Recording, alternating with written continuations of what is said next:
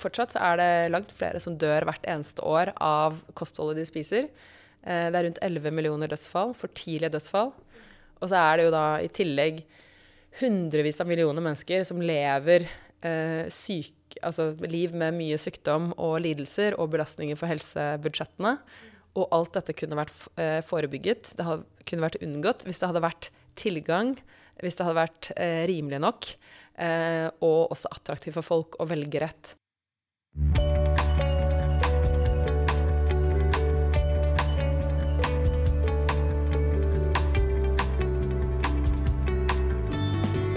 Hjertelig velkommen til podkasten 'Leger om livet'. Jeg heter Anette, og jeg jobber som lege. Jeg ønsker å eh, gjøre kunnskap om kropp og sinn lett tilgjengelig for alle. For jeg tror på at eh, hvis man har kunnskap om sin egen kropp og sitt eget sinn, så er det lettere å ta valg som er riktig for akkurat deg. I dag har jeg en veldig spesiell gjest. Da jeg starta podkasten for vel et år siden, så var det denne gjestens navn som sto helt øverst på lista over gjester jeg ønska å intervjue. Hun er klimaforkjemper, lege og IT-grunnlegger. Gunhild Stordalen får til det de færreste hadde tenkt var mulig. Sammen med teamet sitt får hun til å endre noe så enormt som verdens matsystem. Så det å omtale denne dama som driftig, det blir en kraftig underdrivelse. Hun Gunhild hun endrer verden, og jeg er veldig glad og takknemlig for at jeg får være med og dele hennes kunnskap. I dag skal vi gå inn på veldig mange temaer. Jeg håper du liker episoden. Og hvis du hører en bankelyd av og til, så er det bare hunden til Gunhild Storland som eh, blir litt eh, engasjert, sånn som oss. Det er en stor Grand Danois ved navn Ramstein som var med under intervjuet. Da setter jeg over. Ja, hjertelig velkommen til podkasten, Gunhild Stordalen. Takk. Veldig stas å være her. Som det kommer fram i introen, så er jo du over gjennomsnittet motivert og dedikert. Er det sånn at det alltid har vært sånn for deg, eller har det kommet med årene? Jeg visste vel fra jeg var sju at uh, min mening i livet var å gjøre en for positiv forskjell uh, i verden. Bruke liksom det jeg hadde av ressurser og talent til å, til å gi tilbake til samfunnet. Um, jeg hadde liksom en liten oppvåkning på eh, fanget til mamma i første klasse på barneskolen. Jeg hadde hatt liksom mareritt gjennom det første halve året eh, og drømte at vi forurenset så mye at planeten gikk til grunne, og alle dyrene døde, og jeg var liksom helt fortvilet. Og da sa mamma at ingen kan gjøre alt, men alle kan gjøre noe, og Gunhild, du kan være med å gjøre en forskjell. Eh, for vi mennesker, vi er årsaken til disse problemene, og vi er også løsningen. Uh, og da tenkte jeg liksom komplett naiv at å, det er akkurat det jeg skal bruke livet mitt til. Um, og dette her er på en måte mitt kall. Så fra da så har jeg, har jeg visst uh, hva, uh, hva, jeg ville gjøre. Ikke alltid hvordan, men den veien har jo blitt til mens jeg har gått. Hm. Ja, eh, kjenner du at du har litt mer energi enn de rundt deg? For du får jo til veldig mye på kort tid. Hvor er det du får all den energien ifra? Altså, jeg er jo en eh, ekstrovert introvert, så jeg, jeg får energi av å eh, være med bikkja, være ute i skogen. Eh, og lader jo på en måte veldig mye batterier for å gå ut og ha Skru på energien, da, for er jo, jeg er jo ikke sånn hele tiden. Um, men jeg får også veldig mye energi av å møte inspirerende mennesker som prøver å gjøre en forskjell ut fra sitt ståsted, uh, hva det nå måtte være.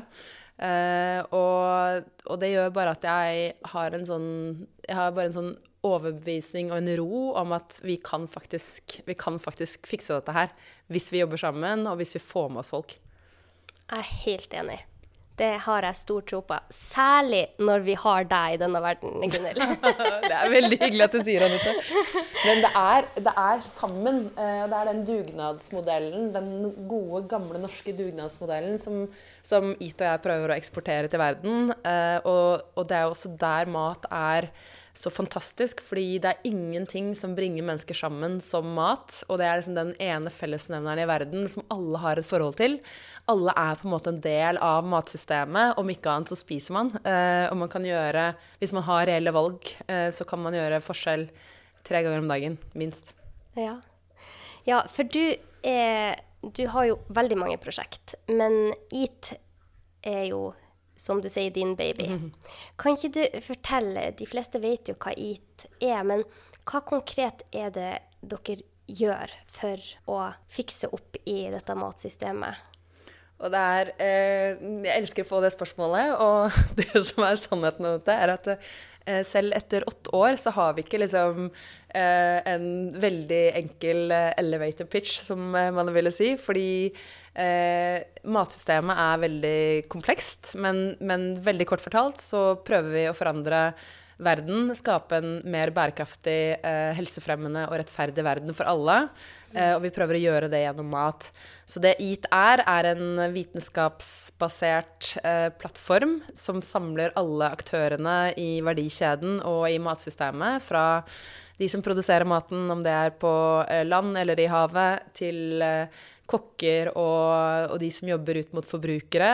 og Eh, og vi, vi, samler da forskning eh, og politikk og næringsliv og investorer, og får de da til å diskutere hva er de løsningene framover, eh, basert på, på, forskningen. For vi er jo hellige overbevist om at det beste kompasset vi har for framtiden for å ta rette valg, det er vitenskapen. Så, så, det er på en måte der vi eh, har startet. Og, og, det som er veldig kult, er jo at nå har nå har verden skjønt at den modellen her er egentlig den eneste som funker dersom vi skal forandre systemer. Eh, så FN tok jo nå denne både agendaen vår og også eh, EAT-modellen med å bringe alle aktører sammen basert på den beste forskningen.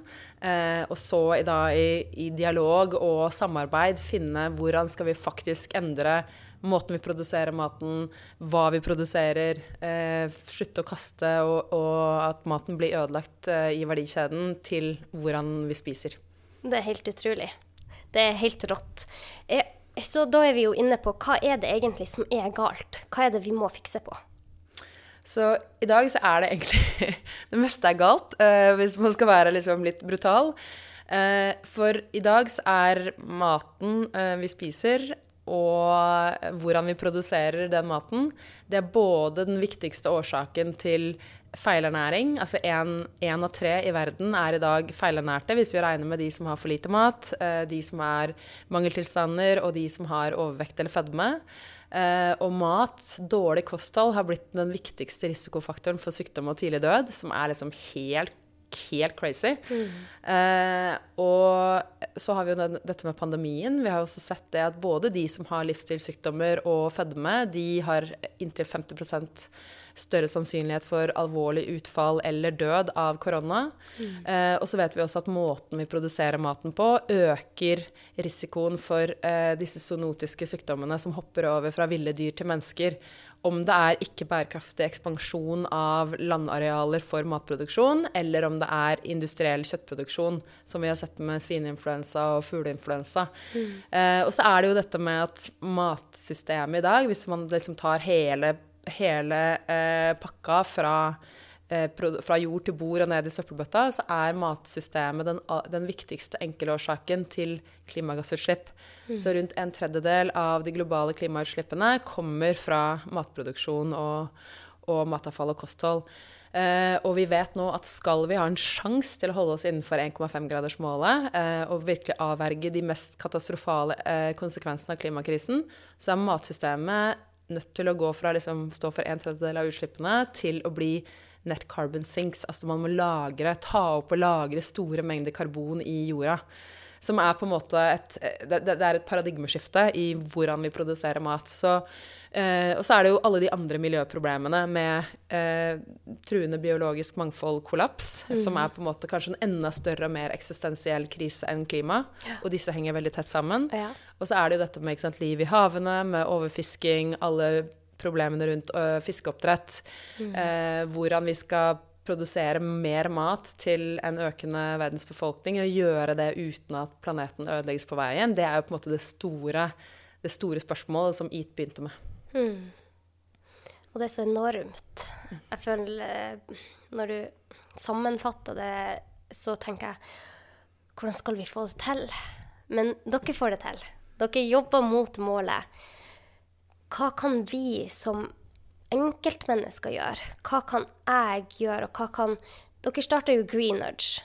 som var en eh, miljøorganisasjon som eh, hadde bakgrunn i, sånn som jeg skjønte, atferdspsykologi. atferdspsykologi. At man prøver å nudge andre, altså påvirke andre til å gjøre gode valg. Så dette kan du jo mye om. Hva er det først og fremst jeg selv kan gjøre, men hva kan jeg òg gjøre for å nudge andre i riktig retning? Og det er jo et veldig, veldig viktig spørsmål. Um, det er en, en, en, kommisjon som eh, ble satt opp uh, i år, uh, kom den ut, fra Cambridge, som ser på hva er Hvilke rolle spiller atferdsendring i liksom det store spørsmålet hvordan leverer vi på FNs bærekraftsmål og, og klimaavtalen fra Paris. Og den kommisjonen slår fast at atferdsendring er viktig, men det er ikke nærheten av nok. Så EAT jobber med å endre systemet, sånn at det skal bli lett og eh, økonomisk realistisk for folk å faktisk velge rett.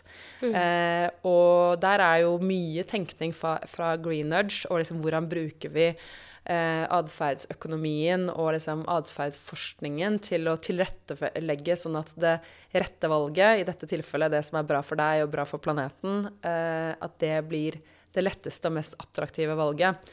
Eh, og hvis du spør liksom, hva, hva, er det vi kan gjøre, hver og en av oss, så er det masse. Eh, det er ikke alle som har reelle valg i dag. Tre milliarder mennesker i verden har ikke råd til et sunt kosthold, som er liksom en, en tragedie i seg selv. Um, mm. Men de fem milliardene som har valg Vi kan gjøre små, små endringer på tallerkenen hver eneste dag som er bra for oss her og nå. Mm. Og det er bra for vår felles framtid, for våre barn. Det er bra for lokalsamfunnet.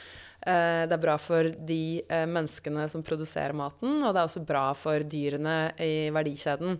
Så det er, liksom, det er så mange vinn-vinn. Eh, og Michael Pollan, amerikansk matjournalist og forfatter som du sikkert kjenner, han, han sier fortsatt det det enkleste og beste liksom, taket på hva forskningen viser. Han sier 'eat real food, not too much, mostly plants'. Mm. Uh, og så er det selvfølgelig 'waste none'. ikke sant? Så hvis man tenker på å spise mer av uh, den protektive maten da, som man snakker om, som beskytter mot livsstilssykdommer, som er på en måte bra for for helsa så er det stort sett også bedre for planeten. Så tenke liksom mer næringsstoffer, mer farger, eh, mer smaker på tallerkenen. Eh, og fokusere mer på det enn det man spiser for mye av.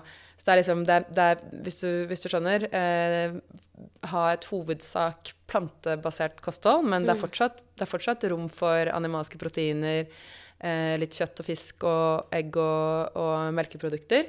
Men hovedtyngden bør være på grønnsaker, eh, belgfrukter, som er rocke, rockestjernene i ernæringsverdenen, mm. eh, frø og nøtter, eh, grove kornprodukter og ja, bærekraftig sjømat, eh, inkludert alger. Ja, og det er jo så mye forskning som støtter det du sier. Men så er det jo en sånn motsatt bevegelse så man har de som på ene sida spiser kun planter, og så har man de på andre sida som jeg føler blitt større og større, som sier spis bare kjøtt. Mm. Da blir du frisk. Kutt ut alt annet bare kjøtt. Hva, hvorfor, hvorfor, tror du det er sånn? Hva, hva, er grunnen til det her? Altså det er jo, du, du har helt rett, eh, Anette. Det er jo så mye polarisering eh, i debatten. Og, og, bare det at vi ikke har, liksom, at vi ikke har konsensus hva er et sunt kosthold fra bærekraftige matsystemer? Det er jo egentlig helt, helt ko-ko. Mm. Eh, og det er også noe som EAT eh, jobber med. Og vi setter opp nå en ny EAT Lancet-kommisjon. Mm. For det var jo første gang i 2019 at noen hadde prøvd å regne på kan alle i hele verden, selv når vi blir 10 milliarder, kan alle i hele verden spise nok sunn mat mm. som er produsert på en måte som ikke ødelegger planeten. Men fra en kommisjon til at det er liksom vitenskapelig konsensus, den veien er Eh, er på en måte litt lang. Sånn at vi setter opp en, en ny kommisjon for å få liksom, hva er konsensus. Eh, sunt kosthold fra bærekraftige matsystemer. Men jeg tror også at eh, det har blitt så polarisert fordi mat er eh, en av våre siste tabuer. Mm. Ikke kom og fortell meg hva jeg skal eh, legge på tallerkenen. Altså, det, det, vil jeg ikke høre. Politikerne er livredde. Når Erna eh, kom ut og snakket om Klimakur, de bestilte en rapport uavhengig rapport for å se på hvordan, eh, hvordan Norge kunne da nå ikke-kvotepliktige utslipp. Um, utslippskutt innen 2030. Og en av de klare anbefalingene var jo at man må spise mindre kjøtt, mer planter. Man kommer ikke utenom kostholdsendringen. Det er ikke nok å produsere mer bærekraftig og slutte å kaste. Men da kommer jo da statsministeren uh, ut og sier liksom at nei, det, vi skal snakke om uh, informasjon og kampanjer, og så skal vi snakke om matavfall. Vil ikke touche hva folk faktisk spiser. Mm. Uh, så, så, dette her liksom det at den derre litt sånn um, Man vegrer seg for å snakke om eh, hva man putter på tallerkenen, eh, og at man ikke har liksom Man har ikke et FNs klimapanel for, for mat og kosthold. Mm. Eh, og det var jo når, når IT og jeg ledet på ett av de fem hovedtemaene for det første toppmøtet på matsystemer som FN avholdt i høst, så var en av disse tingene jeg kranglet veldig mye med. Det var en, en forskningsgruppe for det toppmøtet som skulle liksom sammenstille den beste kunnskapen. Og jeg sa liksom det er veldig vanskelig å lage planer. Land og byer og selskaper og investorer, alle trenger på en måte klare mål og lage strategier for å få det rett på mat. Mm. Hvordan skal vi klare dette uten at dere vil snakke om å sette vitenskapelige mål og få enighet? Hva er et sunt kosthold? Er det den karnivordietten uh, mm. eller Atkins, eller er det en, en, i hovedsak, uh, et ho hovedsak planterikt kosthold? Så, så, det bare viser hvor, liksom, hvor, mye resistans det er, og hvor mye motstand det er, mm. eh, for å liksom både konkretisere, men også fordi at det er så mange økonomiske interesser på spill. Altså mat hvis du ser på hele systemet, det er den største økonomien i verden. Rundt 30 mm. av den globale verdiskapningen. Så det er liksom det at vi har fått masse motstand altså, Folk sier bare til meg Men Gunhild, du prøver jo liksom å, å, shake up the biggest economy on the planet, så hva hadde du liksom forventa deg? Så det er klart at liksom Ja. Det burde ikke komme som en overraskelse at det er, ja, at det er store motkrefter, da. Ja. Og det, det som jeg tenker mange tenker når de får vite at å nei, de må spise veldig litt kjøtt og bæreplanter. Så tenkte jeg er det virkelig bra for meg, eller det, må jeg spise sånn mm. for at det er bra for miljøet? Mm. De vil vite hva er Jeg tror for å få i gang et skifte hos hver og en, så må de vite og kunne stole på hva mm. er det som faktisk er bra for meg. For da vil de òg se kanskje sammenhengene med at det som er bra for oss, mm. er jo tilfeldigvis også bra for planeten. Det er bra for dyrene. Det er bra for alle. Mm. Men man må vite det, man må se på forskninga, og man må få den kunnskapen. Og det er det jeg syns er veldig vanskelig, for det er så mye info der ute, og så mye forvirring, mm. at ja, selv den skarpeste kniven i skuffen har eh, ikke skjønt hva Mange av de vet ikke hva de skal gjøre for å faktisk leve sunt. Men det var, det var jo nettopp derfor vi satte opp denne Eat Lancet-kommisjonen. Eh, og hvorfor vi hadde ja, samlet de beste forskerne fra alle kontinenter um, for å da sammenstille hva er det faktisk forskningen sier. Uh, og til, til, poenget ditt, Anette, med at uh, folk vil vite hva er det som er bra for meg, uh, for det er liksom man er seg selv nærmest, så kommisjonen og forskerne stilte da spørsmålet hva er et optimalt sunt referansekosthold? Eh, med antall kalorier, antall eh, gram av ulike matgrupper hver dag. Eh, og når det gjelder rødt kjøtt, det var jo mye snakk om disse 14 grammene med rødt kjøtt om dagen. Det, det, ja. det ble jo så mange rasende ja. reaksjoner pga. det.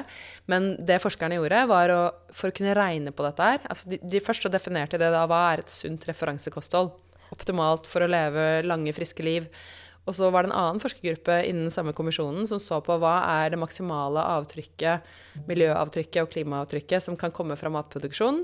Og så regnet de da eh, er det mulig at 10 milliarder innen 2050 kan spise dette referansekostholdet, som er liksom optimalt eh, helsefremmende for de, innenfor liksom disse eh, økologiske grensene som vi, må, som vi, må, operere innenfor. Og da var jo svaret at det er mulig, men vi må ha en radikal omstilling i hva vi produserer, hvordan vi produserer, mm. til å slutte å kaste eh, over til en sirkulær økonomi på mat.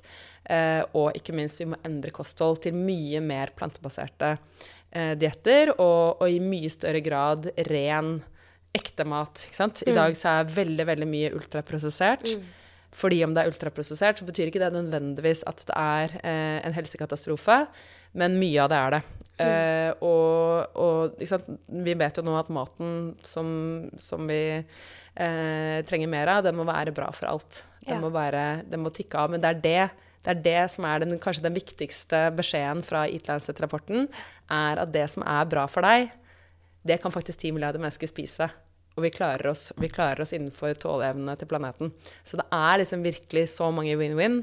Mm. Uh, og jeg pleier å si det overalt, at hvis vi får det rett på mat, så er det den mest potente og forebyggende medisinen som finnes for både mennesker og planet. Ja, det er jeg helt enig med deg i. Og det kan kurere.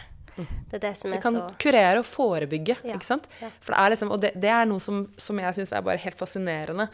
Vi har vi har forandret så mye i samfunnet over natten pga. Eh, covid-pandemien. Eh, fortsatt så er det langt flere som dør hvert eneste år av kostholdet de spiser. Eh, det er rundt 11 millioner dødsfall, for tidlige dødsfall. Mm. Og så er det jo da i tillegg hundrevis av millioner mennesker som lever eh, syk, altså liv med mye sykdom og lidelser og belastninger for helsebudsjettene. Mm. Og alt dette kunne vært eh, forebygget. Det kunne vært unngått hvis det hadde vært tilgang, hvis det hadde vært eh, rimelig nok, eh, og også attraktivt for folk å velge rett. Eh, men ikke sant? jeg sa det at det var tre milliarder som ikke har råd til mm. å velge et sunt kosthold. Uh, og hvis du snakker at det skal være bærekraftig produsert også, så er det liksom det, det, er helt åpenbart at hvordan vi har innrettet systemet i dag, det, er, det, det feiler både folk og eh, planeten og de som produserer maten. Husk det å være bonde i dag.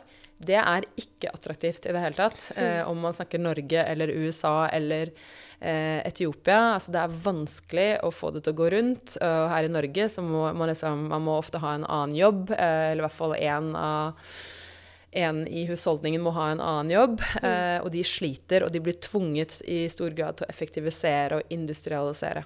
Mm. Ja, alt henger jo sammen med alt. Det sa Gro Harlem Brundtland for over 30 år siden. Ja, hun ja. hadde rett. Og hun hadde rett fordi at eh, når man ser på sant, Du sier eh, helsesektoren. Det er jo beregna at den globale helsesektoren, hvis det var beregna til være et land, så det er femte største klimautslippslandet da i mm. verden. Og den farmasøytiske industrien slipper ut mer klimagasser enn bilindustrien. Mm.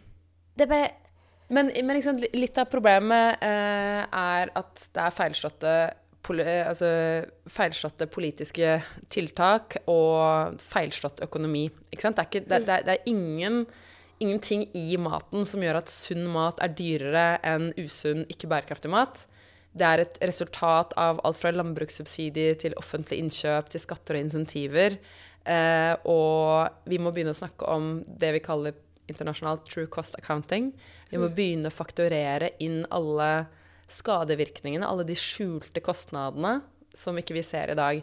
Du snakket om helsekostnadene eh, og også liksom klimautslippet fra, fra, helsesektoren generelt. Mat er jo også en betydelig del av det, som de ennå ikke snakker om i, i sykehusmiljøene rundt omkring. Mm. Um, men hvis man, hvis man, begynner å fakturere inn da alle liksom både helseskader eh, og helsekostnader, klima- og miljøødeleggelse, de sosiale ulikhetene som dagens feilslåtte matsystemer driver, så er det plutselig, så er det plutselig åpenbart at her kan man jo spare enorm, enormt mye penger. Og vi har tidlige tall eh, som viser at eh, kostnadene av matsystemet globalt overskyter eh, verdiskapningen med flere oljefond i året. Så det er enorme summer som man bare ikke ser på ett budsjett. Ingen regjering ser hvor mye dette faktisk koster oss. Ja. Vi har jo, du husker sikkert rapporten som kom fra Helsedirektoratet i 2016, som viser at hvis alle nordmenn hadde spist ifølge de nasjonale kostholdsrådene, som er ikke helt, altså de er ikke helt på, på jordet. De trenger å oppdateres basert på den beste forskningen, men de er ikke, liksom, de er ikke helgærne. Uh, men hvis alle hadde spist som kostholdsrådene faktisk sier, mm. så kunne samfunnet spart over 150 milliarder bare i helsekostnader. Mm. Eh, og det er før man da regner inn miljøbesparelsene, klimagassreduksjonene, eh, mm. bedre levekår for folk på bygda. Så det er liksom så mange vinn-vinn som man kan få eh, ut av dette hvis man ser det store bildet, ser at dette er et system. Det er veldig smart at vi liksom innretter alt fra landbrukssubsidier til offentlige innkjøp, til skatter og insentiver, sånn at det faktisk støtter opp om det vi vil at folk skal spise. Ja. Men i dag så er det jo helt motsatt. Altså, det kom en FN-rapport i høst som viser at 90% av verdens offentlige landbrukssubsidier går til å subsidiere produksjonen av det som gjør folk sjuke, eller ødelegger planeten. Altså ko-ko. Ja. Det jeg tror grunnen til at veldig mange vegrer seg for å ta disse endringene, er fordi at de føler at de er bare en brikke i et spill. Sånn Ja, her skal jeg Nå skal vi si at du må spise det, og nå skal vi si at du skal spise det. Og det blir, det blir til at de ikke vet helt egentlig om det faktisk stemmer. Men det du sier, er jo basert på ufattelig god forskning. Det er de fremste forskerne i verden som har satt seg ned og sett på hva trenger hver og en av våre kropper for å leve friske og gode liv. Så det er ikke tvil. Vi må bare få ut det budskapet, og at ikke det blir overskygga av 14 gram kjøtt-debatten. For da, da tror jeg Jeg ser det i praksisen min at med en gang man skjønner det, så, så vil de endre på det. Da, da får de motivasjon, de har lyst til å kjenne på kroppen sin at de får det bedre. Men det er ikke før de klarer å stole på en som faktisk sier 'dette er bra for deg', at de endrer det. Men, men her er det altså, Og jeg tror du har helt rett. Uh, men samtidig så er det også det er, det er en økonomisk barriere for veldig mange. Ja. Uh, og når du står på butikken og ser at ett salathode, som ikke engang er økologisk, at det koster det samme som tolv sjokoladeboller. Sant? Hvis du er en familie uh, eller en husstand som trenger å tenke på hvor mye penger du bruker på mat, som faktisk veldig, veldig mange i Norge i dag må, så er det klart at det er veldig lett å velge det med masse kalorier, raske karbohydrater, eh, som er ultraprosessert, Ja. istedenfor frukt og grønnsaker, belgfrukter, nøtter, alt det som du kanskje må da bruke litt mer tid på å lage fra grunnen. Det er veldig vanskelig å få tak i sunn fastfood. Det kommer nå liksom kjeder som Lett, eh, restaurantkjeden i eh, foreløpig i Oslo og noen andre steder, som, som lager liksom et konsept med at fast food trenger ikke være junkfood. Eh, du kan kjøpe en salat on the go, men det er jo fortsatt eh, mye dyrere enn å gå på Burger King, ikke sant? ja. Så, så det, er liksom, det er derfor jeg er så opptatt av at vi må snakke om at mat driver sosiale forskjeller. Ja. De med minst ressurser, eh, de mest sårbare i dagens samfunn, spesielt barn, de ender opp med å spise den dårligste maten, som setter de tilbake både fysisk og psykisk, eh, men, men også gjør at de kanskje ikke klarer å konsentrere seg ordentlig på skolen. Eh, de gjør det dårligere, og de starter ut med minuspoeng, og de også blir kronisk syke. Tenk så mange som, som eh, blir eh, overvektige, deprimerte og eh, sjuke av maten i, i dagens samfunn. Eh, og det er ikke sånn, altså, hvis du ser på hva som har skjedd i min levetid liksom, på de siste 40 årene, så, så har liksom dette gått eh, da mat, Matomgivelsene våre har forandret seg så mye. Porsjonsstørrelsene har liksom mer enn doblet seg i noen tilfeller. Eh, og du er konstant omgitt av usunn, ikke bærekraftig, kjøttung mat med masse liksom, tilsatt salt, sukker og fett. Eh, og du trenger ikke, du, du trenger ikke liksom, anstrenge deg for å få tak i maten engang. Eh, så det er klart at liksom, samfunnet og matmiljøet i dag er satt opp for at folk skal feile. Ja. Og når du vet liksom nå, De siste tallene viser at nå er det 70 eh, av befolkningen selv i Norge som enten har overvekt eller fedme. Og dette her er liksom over altså nesten tredoblet seg på, på bare liksom fire-fem-ti år. Det er klart at da er det, du kan ikke gå ut og skylde på individene og si at liksom, du er lat og grådig, eh, derfor blir du tjukk. Her er det liksom her er det eh, en systemfeil, og da må vi ha politikere på banen. Vi må ha næringslivet som må være med og, og, og liksom eh, kjøpe også mer kvalitet i hele verdikjeden. Og du må sette bønder i sentrum og gjøre at de får faktisk betalt for det veldig veldig viktige samfunnsoppdraget de gjør. Og, og helse må bli en av målene for norsk landbrukspolitikk. Ja. Anette, det er det ikke i dag. Er ikke det, er ikke det liksom helt galskap? Jo, det er helt galskap.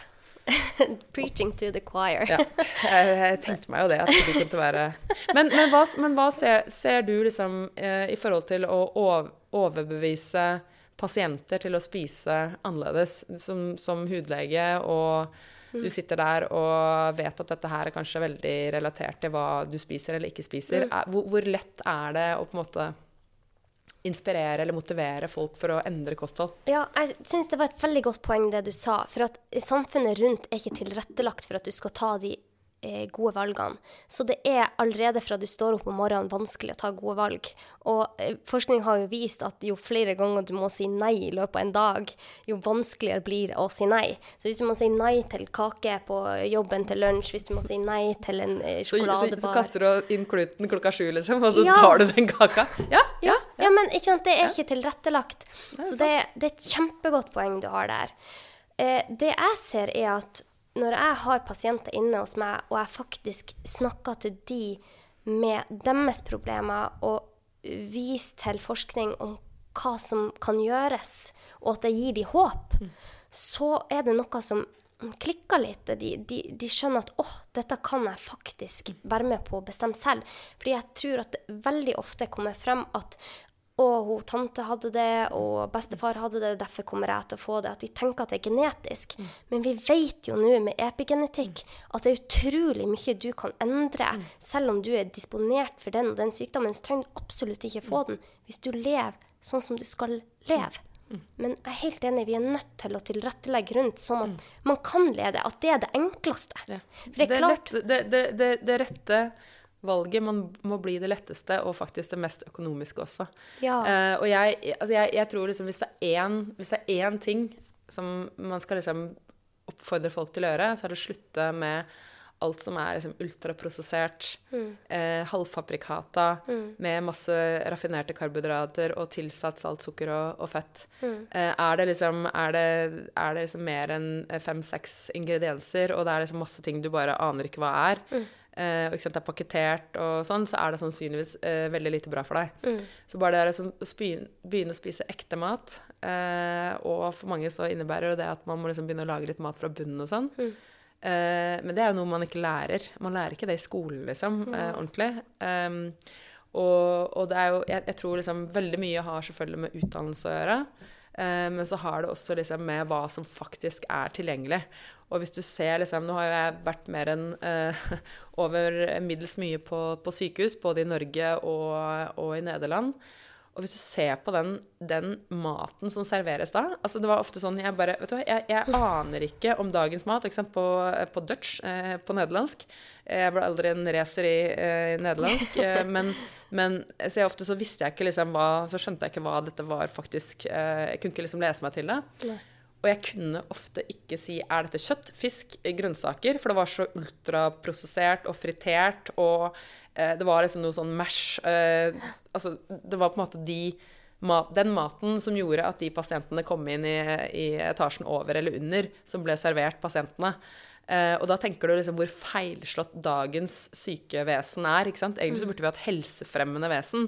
Og det er jo sånn, altså Når leger liksom begynner å snakke om at ja, nå tar vi tak i energisparing på sykehusene, da er jeg bare sånn Ja, men det er kjempebra. Men hva gjør dere med maten, da? ikke sant? Eh, maten som er en så stor del av liksom en sykehusoperasjon. Eh, og det, man, man tenker ikke at mat er medisin for pasienter og ansatte og også planeten. Og vi som sykehus, altså helsevesen, vi må jo virkelig liksom servere mat som den medisinen det kan og bør være. Ja. Så her, Anette, tenker jeg at du har en kjempe, en kjempe Jo, men, men her, her bør du virkelig liksom utfordre altså våre kollegaer, da.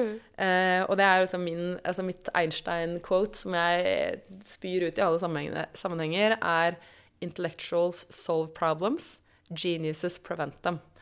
Og liksom, hvis man tar inn den tenkningen med at liksom, geniene de faktisk forebygger problemene før de oppstår uh, in the first place, om det er på helse altså tenk, og, og her tilbake til økono, eh, økonomien, og at liksom, det er et feilslått system. Fordi leger i dag insentiveres til å skrive sovemedisiner og eh, blodtrykksmedisiner og kol kolesterolsenkende Mm. istedenfor å få pasienten til å spise ordentlig, mm. begynne å trene, Mm. begynne å meditere og få orden på stresset, og ikke minst begynne å sove. Ikke sant? Så hadde det liksom Mm. vært Hadde, hadde fundamentet rundt dagens medisin vært å liksom sikre hva er, hva er, hva er liksom grunnpilarene for god helse? Ja. Hvordan kan vi holde folk utenfor sykehuset, utenfor allmennlegekontoret? Mm. Og få de friskere. Altså Hvis man hadde blitt betalt, jo friskere pasientpopulasjon man hadde eh, i praksisen sin, jo mer altså, tjente man. Det burde jo egentlig vært sånn. Helt enig. Det er, det er den veien vi skal gå, Gunhild. Og jeg har jo et lite, hårete mål som jeg egentlig ikke har sagt på podkasten. Lite hårete, det er, det er selvmotsigende. Du vet det. det... Du, du, du, må Stort hårete. Jeg skal aldri høre at du har et lite hårete mål. Ok, Jeg har et veldig stort hårete mål, og det er rett og slett å endre helsevesenet. Så vi får det til når man Sammen. samler Ja. krefter og får flere og flere til å skjønne sammenhengene, så er jeg helt overbevist om at vi får det til. Og når du ser, når du ser på Vent, da. Er- Ja, og så må du, og, og, Anette, og så må du begynne å si For det er, liksom, det er, en, det er kanskje mitt beste, mitt beste råd til å få ting til å skje. Mm. Begynn å snakke om det. Eh, og så blir det selvoppfyllende profetier. Mm. Eh, fordi liksom hvis du, hvis du sitter og holder ting for deg selv Hvis ikke du tror på det, hvem skal tro på det da? Så det er liksom det der å begynne å snakke om det, begynne å på en måte tegne eh, tegne der det bildet av den verden vi kan skape, eller det man kan få til. Og så kommer folk. Eh, folk vil være med. Og det er liksom Jeg bare ser hvor, hvordan det er i ferd med å skje nå. ikke sant? Fra liksom at man begynner å snakke om Ja, men tenk om man kunne laget et annerledes system. Som var der du var liksom, du, du endte opp sunn og ta bærekraftige valg som var bra for lokalsamfunnet og verden samtidig. By default. Nesten uten å tenke. Nesten med liksom bind for øya. Så, bare, så gjør man nesten automatisk. For ikke sant? vi kommer aldri til å klare å forandre verden. Vi kommer aldri til å klare å avverge klimakrisen hvis 10 eh, kommer, altså bare 10% gjør de rette tingene. Hvis du må være ressurssterk, eh, ha nok penger så du slipper å tenke på valgene dine. Eh, hvis ikke det blir lett å ta tog, eh, hvis ikke det blir lett å spise rett, så kommer, altså, så kommer liksom 90 aldri til å, å gjøre. Eh, så du kan ikke la liksom, det være opp til én og eh, hver sin moral eller liksom vår, vår egen ja, samfunnsansvar. Eh, det er vanskelig nok liksom, å ta gode valg for seg selv og barna. Ja. Eh, så det må liksom det, det er jo derfor vi har myndigheter. For å tilrettelegge sånn at de enkle valgene skal være de beste for helse for eh, planeten. Og derfor må flere leger begynne å involvere seg i samfunnsdebatten og kreve endring. Det er jeg helt enig med deg i. Ja. Men, men det hårete målet er liksom Hva, hva, hva er litt mer presist? Nei, eh, det jeg prøver, sakte, men sikkert, er egentlig å få flere på banen til å skjønne disse sammenhengene. Få flere i helsevesenet til å se sammenhengene, politikerne. Det vil Med en gang man ser disse sammenhengene og forstår hva som er bra for oss og for planeten, så vil flere gå i den retninga. Og for hver gang man klarer å få noen til å tenke sånn, og bli med på den tanken, så går vi i riktig retning. Så det jeg prøver, er jo å få flest mulig til å skjønne det. Og det har jeg begynt å gjøre nå gjennom podkast, og nå skriver jeg bok. Så ja, det det er det jeg prøver. Jeg er et lite maskineri her, men jeg gjør så Men, godt jeg kan. men, og jeg skal gjøre alt jeg kan for å være med og, og skru opp volumet på, på det budskapet. Og jeg tror også vi må, liksom, vi, vi må, få, vi må få denne eh, tenkningen inn i pensum. Eh, og det er det. det fra, liksom, fra, ja. fra Ikke bare på medisinstudiet, men fra barnehage Mm. til liksom gjennom hele sko skoleløpet, så må man må lære om disse enkle tingene. Og liksom det der Altså, hva er det som er eh, god helse? Eh, hva skal til for å ha god helse? Og hva skal til for også gjøre bra valg for planeten? For det er jo liksom Det er jo veldig vanskelig å forandre folk som er eh, altså helt sånn marinert i sine egne dårlige valg. Eh, selv mine foreldre altså Når jeg prøver å si at eh, potet er ikke en grønnsak som regnes inn Eller det regnes ikke som en grønnsak fordi det er en veldig stivelsesrik eh, Relativt sett lite næringsnyttig eh, sak. Så liksom Spis heller dobbelt så mye brokkoli, mamma og pappa. Nei, poteten vår, den får du ikke, Gunhild. Og da bare OK, greit. greit. OK, nei, jeg gir opp. Uh, rest my case. Ja. Så, Ja. Så, så det der å liksom fokusere på barn og unge, så viktig. Så utrolig viktig. Og også liksom hvis vi hadde klart å løfte dette inn som et fag altså Jeg husker jo på medisinstudiet altså Det mest usexy noen kunne tenke seg, var jo samfunnsmedisin. Mm. Altså herre jemini. Hvem var det? Og de liksom inntørka gamle professorene som gikk rundt der og var liksom så ut som de skulle få eh, ta sitt siste åndedrag liksom, eh, når som helst. Det var jo sånn, altså, Hvordan får du på en måte dette til å bli et statusfelt, eh, da, ikke sant. Mm. Det burde jo ikke egentlig Det mest sexy på medisin burde jo ikke bli hjertekirurg. Det, mest sexy burde jo være å faktisk bidra til at mange, mange, mange flere kan leve lenge og eh, friske liv. Ja. Det er jo den Altså tilbake til, til Hippokrates, liksom. Og, og do no harm. Mm. Og det er så morsomt at du sier det, for jeg pleier å si at jeg gjør den mest usexy delen av medisin. Jeg driver med forebygging. ja. ja, men det er det. Eh, ja. Men det, er, men det, det også er jo helt feil. For, for, bare fordi at eh, det økonomiske systemet i dag er feilslått. Mm. Pengene er i eh, pharma, big pharma, og vi får betalt jo flere diagnosekoder du putter på en stakkars pasient, liksom, og jo flere ting du rekvirerer, om det er kirurgi eller eh, tabletter eller liksom injeksjoner, jo mer du behandler, jo på en måte mer mm. penger tjener du. Og det blir på en måte Det er liksom et, et, et system som er satt opp for å feile, da. Mm. Så, så, en av de tingene som vi jobber nå liksom med uh, å, å, få til uh, internasjonalt, er dette med at man skal begynne å endre politikk og også næringslivspraksis basert på dette med true cost accounting, av de faktiske kostnadene. At man begynner med endringer fra liksom, alt fra landbrukssubsidier til hvordan byer kjøper inn eh, offentlige innkjøp, f.eks. Mm. At dette skal liksom, basere seg på, på skademinimerende og helsefremmende eh, ting og produksjonsmetoder, og at mm. du, skal, liksom, du, skal, se helhet i, i uh, hele verdikjeden, og du skal se at liksom, måten vi produserer mat, eh, hva vi spiser, det skal tikke på mange mål, både liksom, helsemessig, miljømessig og sosialt. Mm. Og liksom dette med opprettholde levende bygder. Um, og det er fullt mulig. Det er fullt mulig å få det til, men det krever at man endrer systemet. Uh, og, og, igjen, det er, ikke, det, er ikke, nok å heve pekefingeren og fortelle folk at du burde egentlig spise sånn. Hvis du er Gunda på Toten, og det er ikke, liksom, det er ikke tilgjengelig, eh, du Nei. vet ikke engang hvor, hvor, du skal begynne i forhold til å lage det, det er ingredienser du aldri har hørt om. Eh, og det er jo, altså Selv om du ikke har liksom, food deserts eh, på samme måte som vi har i USA, her i Norge, så er det jo fortsatt altså, litt, Du skal ikke veldig langt ut på, på bygda. Jeg bare ser noe sånn jeg er liksom ute på Muggerud, på lokalbutikken der. altså det er mm antall alternativer du har i forhold til her i Oslo, er liksom sjokkerende mye mindre, da. Mm. Ja. Det er veldig bra du jobber for dette, Gunhild. vi jobber for dette. Og vi, vi, jobber for dette. Og jeg vet at vi får det til, fordi som du sier, det er noe som skjer nå. Jeg føler at bare de siste årene er det noe som skjer, og jeg føler og jeg ser jo òg at forskninga kommer på rekke og rad her som støtter opp under det, og det syns jeg er så deilig, for jeg ser jo at det er en forskningsbasert podkast, og nå har jeg fått så mye bra forskning som støtter opp under alt du sier. Eh, og hva tenker du Hva har du gjort selv? For du har jo òg vært på en reise. Hva er det som gjør at du føler at du har en frisk kropp og masse energi? Hva er, det, hva er de tiltakene du har gjort?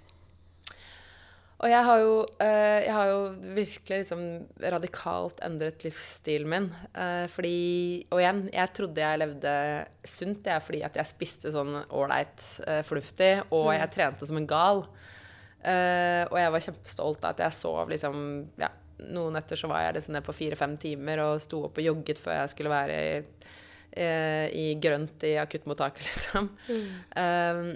og stressmestring. Altså, jeg husker jeg prøvde liksom noe sånn tidlig 20-åra. Jeg prøvde noe yogagreier, og jeg fikk helt sånn Dette her stresser meg, at jeg skal sitte stille, liksom. Det orker jeg ikke tanken på engang. Mm. Eh, så, så, jeg har jo på en måte brent lys i begge ender og kjørt liksom på koffein og adrenalin og nikotin. Eh, snust som en gal, liksom, til og med om natta. Uh, så, og jeg har jo på en måte hele tiden vært liksom Følt at jeg har hatt dårlig tid. Um, men etter jeg liksom ble Etter jeg fikk eh, skledarmi-diagnosen og skjønte at nå, som, nå, kan jeg ha reelt to år på meg liksom, før det er liksom, egentlig game over i forhold til den impacten jeg kan ha på verden, så begynte jeg liksom da, da, da, begynte jeg å skjønne at her er det Ja, jeg må, jeg må liksom jeg må se på også liksom systemet på individnivå, for jeg har jo vært liksom så opptatt av det store bildet i verden. Og så har jeg ikke skjønt at liksom både body and mind er connecta. Jeg har ikke skjønt at liksom ja, er det én fellesnevner i alle moderne lidelser omtrent i dag, så er det inflammasjon. ikke sant? Lavgradig betennelse i kroppen. Mm. Hva er det det kommer av? Jo, det kommer av maten du spiser, det kommer av at du ikke trener nok, det kommer av at du ikke sover bra nok, det kommer av at du har altfor høyt eh, stressnivå. Og jeg tar ikke det på alle boksene. Mm. Og det er også noe som jeg liksom har både utfordret legene mine, både her, eh, altså både på Rikshospitalet og i Nederland. Eh, at hvorfor spør dere ikke hvordan jeg levde, hvordan, altså, hva, hva, som kan ha vært med på å gjøre meg så sjuk.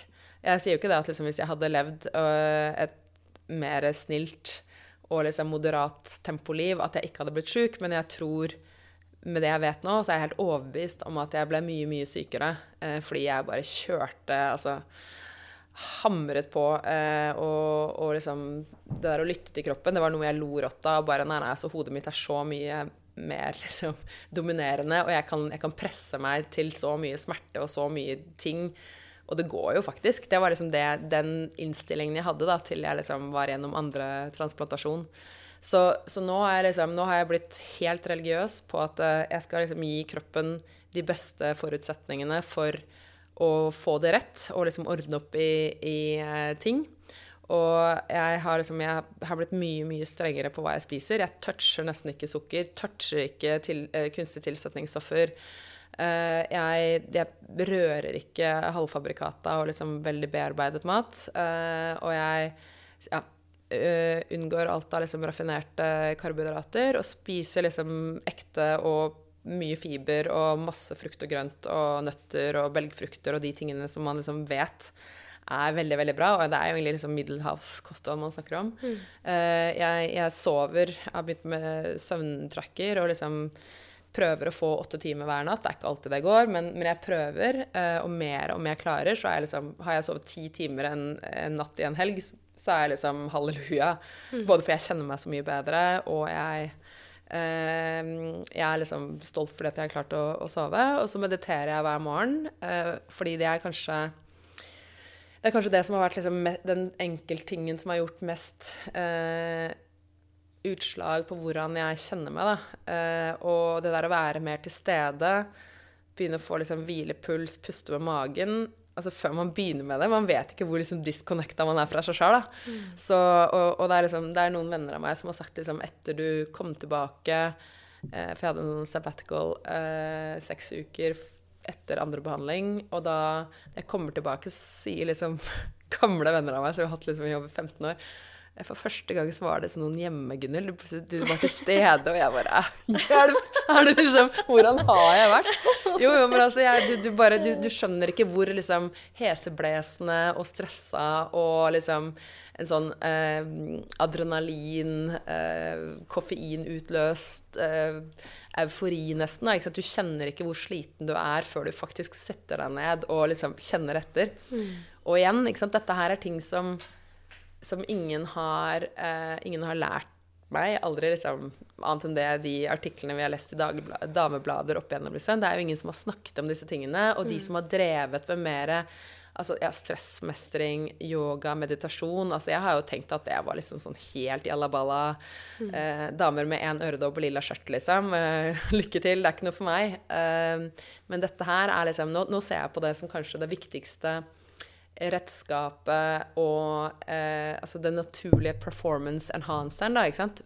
En, en naturlig prestasjonsfremmende teknikk helt uten bivirkninger. Altså bivirkninger, du sover bedre, du er mer til stede, du er mer fokusert. Eh, og det er liksom Ja. Så det, jeg, har liksom, jeg, har virkelig, jeg har virkelig endret veldig mye, og jeg har blitt veldig, veldig mye hardere på prioriteringer. Så fra å liksom være sånn ja-menneske og, og, litt sånn fomo, ikke sant? redd for ikke få med deg ditt og datt og sånn, så er jeg bare sånn at jeg, Nå er det helg, og det har bare vært en uke som vært bare helt, liksom, eh, helt kaotisk. Og det er sånn, eh, ingenting som jeg syns er diggere enn å bare legge meg på sofaen med bikkja oppå meg og liksom høre på musikk. Altså, det hadde vært helt utenkelig for liksom bare, bare to-tre år siden. Ja. Kanskje jeg begynner å bli gammel.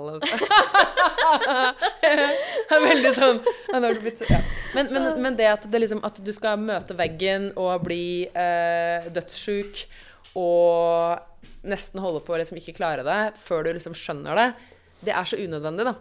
Hadde vi, hadde vi liksom hatt, hadde vi lært dette fra barnehagestadiet, og at man hadde bygget inn i liksom de moderne livene våre eh, At vi hadde lært, lært oss verktøy og teknikker for å, for å håndtere liksom stress, da.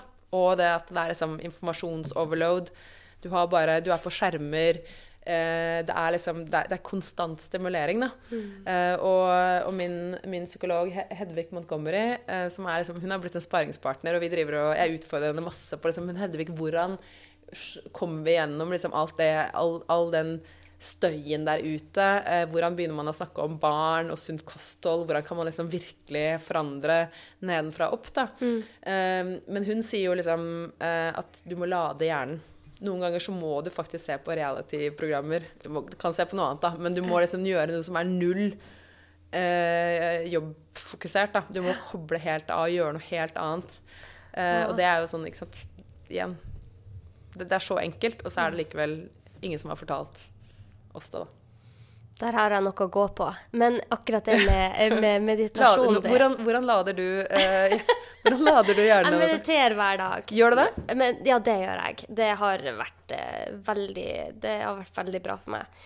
Men jeg føler alltid at jeg har så dårlig tid, så hver kveld så enten så forbereder jeg en episode, eller så leser en bok som er nyttig. Og Henrik sier at jeg er nødt til å se på TV sånn som vanlige folk. men, men jeg føler jeg ikke har tid. Men, men etter jeg begynte å meditere, vet du hva som skjedde da? Ja. For når jeg, liksom, når jeg ble fortalt at du må nå eh, egentlig meditere to ganger om dagen av 20 minutter, og jeg bare No way, det skjer ikke. Det har jeg jo ikke tid til. Nå har jeg ikke tid til å ikke meditere. Ja. Fordi det er liksom den lille investeringen. Og jeg husker Mark Hyman. Uh, han sa liksom han, han satt på kontoret sitt Han var den som faktisk fikk meg eh, Han fikk meg inn på meditasjonskurs, da. Det var noen av våre eh, advisors, eller rådgivere, i, i EAT. Eh, blant annet en, en veldig liksom, suksessfull eh, administrerende direktør for et svært, svært selskap i Storbritannia. Og jeg bare spurte liksom hvordan Mark, hvordan klarer du liksom å, å håndtere alt det stresset, og du har liksom så mange tusen ansatte, og hva, liksom, hva er din hemmelighet, da? Og så bare uh, Headspace. Jeg mediterer. Og jeg bare Det var det, var det siste jeg hadde tenkt at liksom satt ned og, i, i. Og jeg bare Hæ? Og da liksom da, På det tidspunktet så var det jo sånn at jeg tenkte som Altså meditasjon var liksom new age og helt uh, sjakalabakka. Men når han sa det, så tenkte jeg sånn OK, men nå er jeg i hvert fall åpen til å høre. Og når da Mark Hyman sendte meg dit, eh, så tok jeg det meditasjonskurset, og da var, liksom, da var det gjort. Men han sa også liksom at det å meditere 20 minutter, og særlig da pga. jetlag eh, det, er nest, altså det kjennes som jeg har sovet halvannen time. Eh, og, og da er liksom Vet du det her er faktisk Det, det, det her kjøper jeg faktisk. Og igjen, ikke sant, det er liksom Det er eh, naturlig prestasjonsfremmende uten side Eller uten bivirkninger. Ja. Det det er veldig For de som ikke har prøvd Det er jo veldig mange som har skrevet til meg, for jeg snakker om meditasjon en del, eh, som sier at de prøver, og så blir de så stressa og sitter i ro. Så anbefaler jeg eh, Headspace, f.eks. Det finnes mange apper der du kan begynne. Det var sånn jeg klarte å komme inn i det. Og høre på noen andre som forteller hva du går igjennom. Jeg bruker det hele tiden. Jeg bruker Headspace eh, på morgenmeditasjonen. Daily meditation fra Headspace. Ja. Uh, og elsker han, eh, han, han hovedstemmen. Ja. Sant? ja. Og Veldig behagelig stemme. Veldig behagelig og liksom sånn, litt sånn sederende. Uh, og så bruker jeg insight timer når jeg ikke får sove om natten. Altså yoga nidra, eksempel. Helt fantastisk. Og det er sånn Og når, når jeg flyr Nå har jeg jo bestemt meg for å fly veldig, veldig, veldig mye mindre. Eller så lite som mulig, da. Eh, men, men på, på long hauls, altså oversea-flyvninger, så det å meditere da hver femte time når, når du tar av og når du lander, det, er, uh, det hjelper veldig på jetlag. Oi. Ja, veldig. Altså, for før så, så pleide jeg jo, som sikkert mange andre leger også, eh, bruke eh, mye sovetabletter. Jeg pleide å sove meg inn med liksom eh, en stillenokt inn i ny tidssone. Men etter å, etter å ha begynt å lære liksom hvordan meditasjonen eh, funker på kroppen, så er det der å meditere med jevne mellomrom eh, i lufta, og så kommer du inn i det på en helt annen måte. Eh, Kanskje du blir mer sentrert i verden? Ja, ja jeg vet ikke, vet, vet ikke hva det er, men det er bare det har en frapperende effekt. Spennende. Det skal jeg prøve.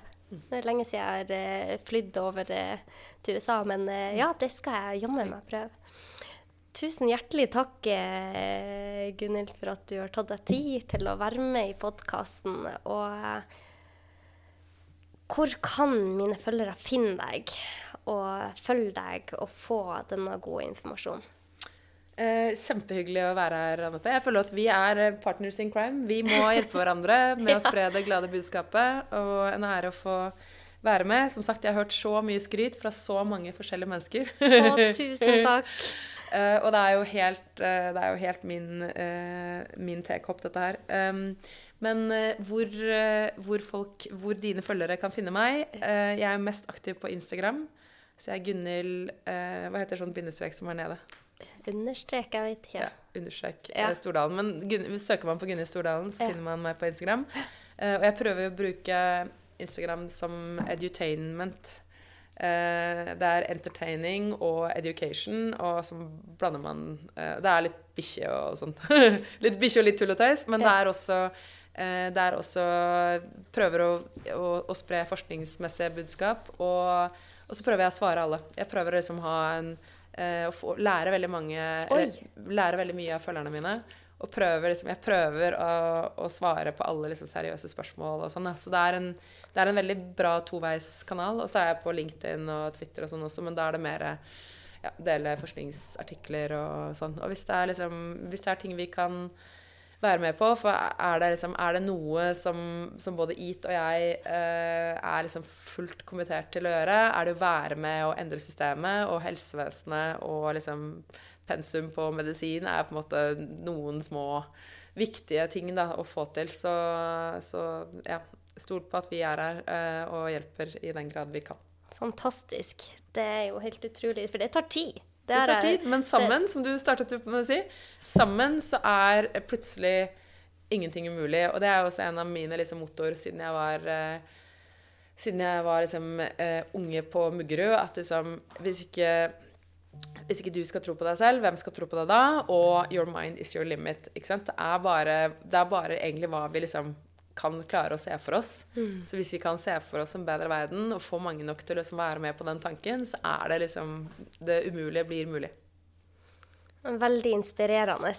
Det er veldig inspirerende å snakke med deg, Gunhild. Jeg håper jeg får måte. eh, muligheten til å treffe deg igjen. Og Nei, nei, altså nå nå er det jo der er no such thing as a free lunch. Kan ikke bare her komme her og gjøre podkast. Nå er vi, nå er vi programforplikta til å faktisk eh, jobbe side om side for å få til dette her. Og det er, det er så viktig med, med folk som deg, som virkelig følger kallet ditt, og du følger hjertet ditt.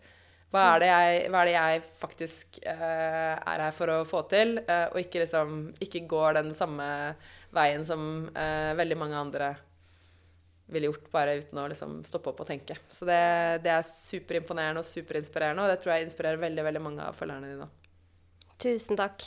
Takk for at du eh, sier det. Det er ikke alltid like lett. Av og til så tenker jeg hva i alle dager. Nei, Lille det, er det er derfor vi må heie på hverandre. Ja. Og det er derfor vi trenger, liksom, vi trenger å holde sammen alle de som er endringsagenter på, liksom, på sin måte. Eh, og, og det er jo liksom det jeg er så hellig overbevist om, at vi trenger, liksom, vi trenger endring fra så mange kanter. Men når det er mange nok som kommer inn og liksom bidrar fra der de er, deres ståsted og liksom Det er veldig forskjellig, men, men da sammen så er vi dynamitt. Ja, jeg tror på det. Jeg er helt hellig overbevist om det, faktisk. Ja, vi er prisoners of hope, som Desmond Tutu sa. Eh, men også er vi også hardcore optimister. For vi, det er mulig. Forskningen viser at det er mulig, og nå er det bare hvordan. Nå skal du få lov å eh, få litt eh, tid før du skal i møtet ditt. Jeg skal ha møte om Eat Lancet 2.0 om nøyaktig eh, 13 minutter, så jeg har kjempetid. Da må vi skynde oss og legge på. Takk for at du ble med, Gunhild. Tusen takk for at jeg fikk komme. Og, da vet dere hvor dere kan eh, finne Ja, Gunhild. jeg gleder meg til å høre fra flere engasjerte leger og helsepersonell og folk som bare generelt er interessert. Eh, alltid noe å lære. Så bra. Og hvis dere eh, ikke har lest boka hennes 'Det store bildet', så anbefaler jeg den varmt. Den er kjempebra. Takk for oss. Ha det godt. Ha det godt.